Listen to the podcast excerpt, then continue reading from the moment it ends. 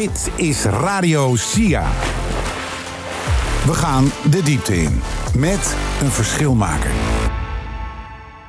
En in dit gesprek gaan we op zoek naar het antwoord op de vraag: hoe maakt de raakgenomineerde van het project Cyberweerbaarheid het verschil? Mijn naam is Gerrit Heikoop. Naast mij co-host Thijs Simons. En bij ons aan tafel hier op het SIA-congres staat Remco Spithoven. Remco, goedemiddag. Goedemiddag. Je bent de projectleider vanuit de Hogeschool Saxion. Op dit moment weten we nog niet of je een winnaar bent, derde, vierde, vijfde plaats. We weten het allemaal niet. We gaan erachter komen. En we willen graag weten, ja, hoe maak jij het verschil? Maar voordat je ons gaat vertellen wat jullie precies doen binnen het project Cyberweerbaarheid, ben ik benieuwd naar de vraag daarboven, het waarom. Aan welke maatschappelijke uitdaging willen jullie een bijdrage leveren? Nou, die maatschappelijke uitdaging heet cybercriminaliteit. En daar worden we massaal slachtoffer van. Vorig jaar in 2021 hebben 2,5 miljoen mensen dat meegemaakt. En dan denk je, wat de heck, 2,5 miljoen mensen, dat zijn er echt In veel. Nederland? In Nederland, alleen in dat jaar. Zo. Dus dat zijn er echt ik inderdaad even van veel. kijken. Ja, en eh, mensen denken dan in termen van cybercriminaliteit als abstract, digitaal. En het raakt je alleen in je portemonnee, maar niks is minder waar. Deze slachtoffers hebben dezelfde eigenlijk impact mee te maken als slachtoffers van bijvoorbeeld eh, diefstal, dat soort delicten gewoon in de offline wereld. Dus je hebt dezelfde emotionele impact, je hebt dezelfde praktische vragen, je hebt dezelfde behoefte aan informatie. Dit hakt er gewoon in, want het heeft te maken met onrechtvaardigheid. En Ja. dat is de uitdaging. 2,5 miljoen mensen zijn er slachtoffer van geworden. En dat moet maar eens afgelopen zijn. Zo. Enorm eh, groot en relevant. Vertel, wat hebben jullie gedaan? Ja, we hebben, eigenlijk is dit ontstaan doordat we met eh, onze partner, de Haagse Hogeschool, eh, Rutger Leukveld, is daar eh, lector op cybercrime en cybersecurity. En wij hebben eigenlijk al langere tijd werken we met elkaar samen. En we werden in toenemende mate door gemeenten benaderd. hey, we willen iets met cyber, we moeten ook iets. En wat precies, dat weten we niet, maar kunnen jullie het ons vertellen? Een soort van eh, eh, zet je lichtje eens aan over dit thema. Ja. En wij hebben eigenlijk dat aangegrepen om met die mensen die ons daarop eh, eigenlijk die vragen hebben gesteld, gewoon eens te gaan nadenken met elkaar, gewoon in een hok te gaan zitten, gewoon eens te brainstormen over, maar waar, waar ben je dan naar op zoek? En wat eigenlijk naar boven kwam al heel snel was, we willen eigenlijk veel meer mensen eigenlijk voorlichten. Dit zijn, voor zijn, preventie. En daarop sloegen wij als lectoren direct aan. Want daar zit eigenlijk ook vanuit de theorie, de routine-activiteitentheorie, zit ook gewoon de sleutel. Want je maakt Zeg je nou, de routine-activiteiten-theorie. routine-activiteit. Ja, kan je die in 30 seconden aan me uitleggen? Nou, eigenlijk kennen we hem allemaal al, want hij heet De Gelegenheid Maakt de Dief. Ah, Hij, dat klinkt heel anders. ja, maar dat is toch gewoon Dat is gewoon onderzoek, hè? Een beetje moeilijk doen. Ja, een beetje moeilijk doen, maar het kan. Maar het ding is, eh, criminaliteit ontstaat waar drie elementen samenkomen. Dus een gemotiveerde dader. Nou, al die daders zijn online gegaan. En dat zijn niet alleen maar de puisterige nerds met hun hoodies. Maar dit zijn gewoon criminele netwerken die daarop actief zijn.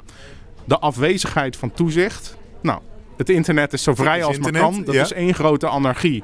Dus wie houdt daar toezicht? Niemand. En een heel hoop aanwezige slachtoffers, die potentiële slachtoffers. En daar zit de sleutel, ook volgens die routine-activiteitentheorie, stelt je namelijk in staat om te gaan kijken naar die situaties waar dat ontstaat. En wij zijn daarin vertrokken vanuit die theorie en zeggen eigenlijk we moeten aan target hardening doen. Dus die slachtoffers moeten Target hardening. ja, die moeten minder makkelijk slachtoffer te maken zijn. En dat betekent dat je hun bewustzijn vergroot en hun zelfbeschermend gedrag oplust. En dat is wat wij samen cyberweerbaarheid noemen. En jouw vraag die komt oorspronkelijk bij die publieke organisaties vandaan. Terwijl als, ik, eh, als jij het hebt over eh, cybercriminaliteit, dan denk ik vooral ook aan bedrijven en aan organisaties die dan gehackt worden en dan Ja. voor veel geld eh, hun, hun eigen materiaal weer terug kunnen kopen. Ja, dus dat ze geransomwerd worden, dat overkomt meerdere organisaties de afgelopen tijd. En dus Ons als NWO natuurlijk ook. ja, zeker. We wilden wat bij jullie aanvragen, moesten we even wachten. Ja, we hadden een andere aanvraag gekregen. Die, Ja, helemaal goed, helemaal blij mee. En de prijs hopen we ook te winnen. We hebben nog een sprong in de aanvraag. Nee, grapje. Het ding is, ehm, dit is onvermijdelijk. Dus het is niet de vraag wanneer of of het je gaat gebeuren, maar het is de vraag wanneer gebeurt je dit. En dan moet je op voorbereid zijn. En dat geldt ook voor die slachtoffers. En het is inderdaad zo dat voor bedrijven dat daar ook een enorme noodzaak zit om hiermee aan de slag te gaan. Onze sprong is daar bijvoorbeeld ook op ingericht, op die, op die bedrijvenkant. Maar het geldt ook echt voor de, voor de slachtoffers in de vorm van burgers. Die moeten ook weerbaar worden gemaakt. Dus voor de bedrijven gebeurt al heel erg veel. Er zijn allerlei samenwerkingsverbanden, maar er zijn ook cybersecurity bedrijven in te huren die je daarbij kunnen helpen, wanneer je het kan Maar betalen. dat kan een burger natuurlijk niet. Nee, en dat is waarom die gemeenten met elkaar dus in beweging kwamen van ja, maar wij hebben van oudsher al van alles gedaan. Op woninginbraak, autokraken, allerlei dat soort Maar dit thema's. wij nog niet. Nee, en, maar daar is wel effect gesorteerd in de praktijk. Daardoor Ja, want ik lees in jullie projectomschrijving, jullie doen aan actieonderzoek. Dat is ook Ja. zo'n fijne term, die hoort helemaal thuis in het praktijkgericht onderzoek. Met nieuwe interventies, zoals een serious game en een social media campagne. Ja, dat klopt. We proberen dit een kort gesprek te houden, maar kan je ons een, een tipje laten zien wat de resultaten zijn van jullie project? Ja, zeker. Ehm, wat we allereerst hebben gedaan is met de gemeente, maar ook met experts, hun netwerkpartners. Dus denk aan politie, openbaar ministerie, jongerenwerkers, mensen op scholen. Allerlei verschillende gesprekken hebben we daar gevoerd met de mensen uit de praktijk zelf. Die hebben dus ook zelf onderzoek gedaan onder hun eh, netwerkpartners. Hebben we gekeken naar welke doelgroepen moeten we nou eigenlijk hebben. Want dat was nog vrij onbekend. En waar worden zij dan slachtoffer van? Dus dat hebben we eerst in kaart gebracht. Toen zijn we echt gaan verdiepen. Dus toen hebben we eh, representatieve steekproeven genomen. Voor jongeren, voor ouderen en voor MKB'ers. Voor jongeren op shamesexting en sextortion en op geldezelen. Voor ouderen op social engineering. Dus dat gaat om digitale oplichting. Dat gaat om WhatsApp-fraude, op phishing. En voor de MKB'ers op ransomware. En wat we toen hebben gedaan is met subgroepen gewerkt. Dus onderzoekers en praktijkmensen. Hebben we op de resultaten van dat onderzoek. Dus zowel vragenlijstonderzoek als verdiepende interviews. Voor elk van die doelgroepen die we noemden hebben we een interventie gebouwd op de uitkomsten van dat onderzoek om aan te sluiten bij hoe zij dit risico nou beleven en hoe wij zagen dat zelfbeschermend gedrag in die end tot stand kwam. En daar hebben we precies op getriggerd in die interventie. Dus heel concreet, voor geldezels hebben we gewoon een social media fuik uitgezet op Insta. En hebben we gezegd, wil je snel geld verdienen met allemaal mooie voorbeelden zoals dat ook echt in de praktijk gebeurt, gewoon ronselen, hebben we nagemaakt. En eh, kids die klikken daarop, die willen snel geld verdienen. Ja, en die krijgen een rood scherm in hun, in hun snuffert. Van ja, wat je op het punt staat te doen is hartstikke crimineel, weet je dat wel? Wauw, cool. Ja. Maar Remco, ik, ik blijf nog een beetje hangen. Je begon met 2,5 miljoen mensen per jaar zijn slachtoffer. En eh, de reactie bij Gerrit en mij was, wow, wat veel. Ja. Wij weten dat dus niet, dat het er zoveel zijn. Hoe kan het dat wij dat niet weten dat er zoveel zijn?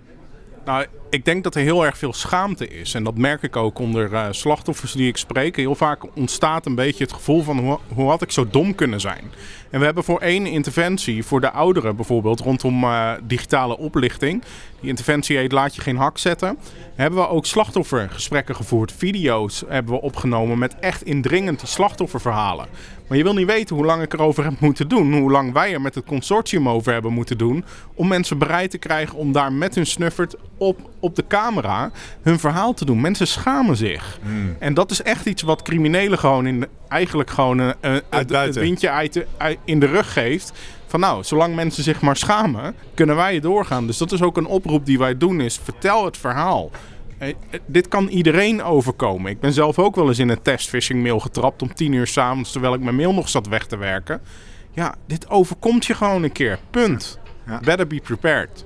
Mooi Remco, je bent enorm bevlogen en ik zou hier nog een half uur de diepte in willen gaan op het project, maar dat doen we niet. Dus ik nodig iedereen uit om eh, jullie website van het project te gaan bekijken. Wellicht is wat van de campagnes en interventies zelf te testen en te verspreiden. En jij doet in ieder geval goed je best om ook die awareness, hè, door middel ook alweer van dit project, door te krijgen. Dus ik En kunnen ze nog stemmen, Gerrit, weet je dat of niet? nou, de mensen die dit luisteren waarschijnlijk niet. Mensen Oh. die de radio nu luisteren wel. Maar de mensen die dit in podcast luisteren niet. Die nodig ik uit om te gaan luisteren naar alle andere gesprekken met de raakgenomineerden. Want we weten niet. Misschien is dit de winnaar. Misschien de publieksprijs. Derde, we weten het niet. Het zijn allemaal zes hele mooie projecten. Zeker. Remco, dankjewel. Graag gedaan.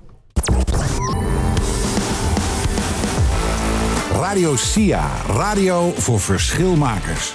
Live uit Leiden.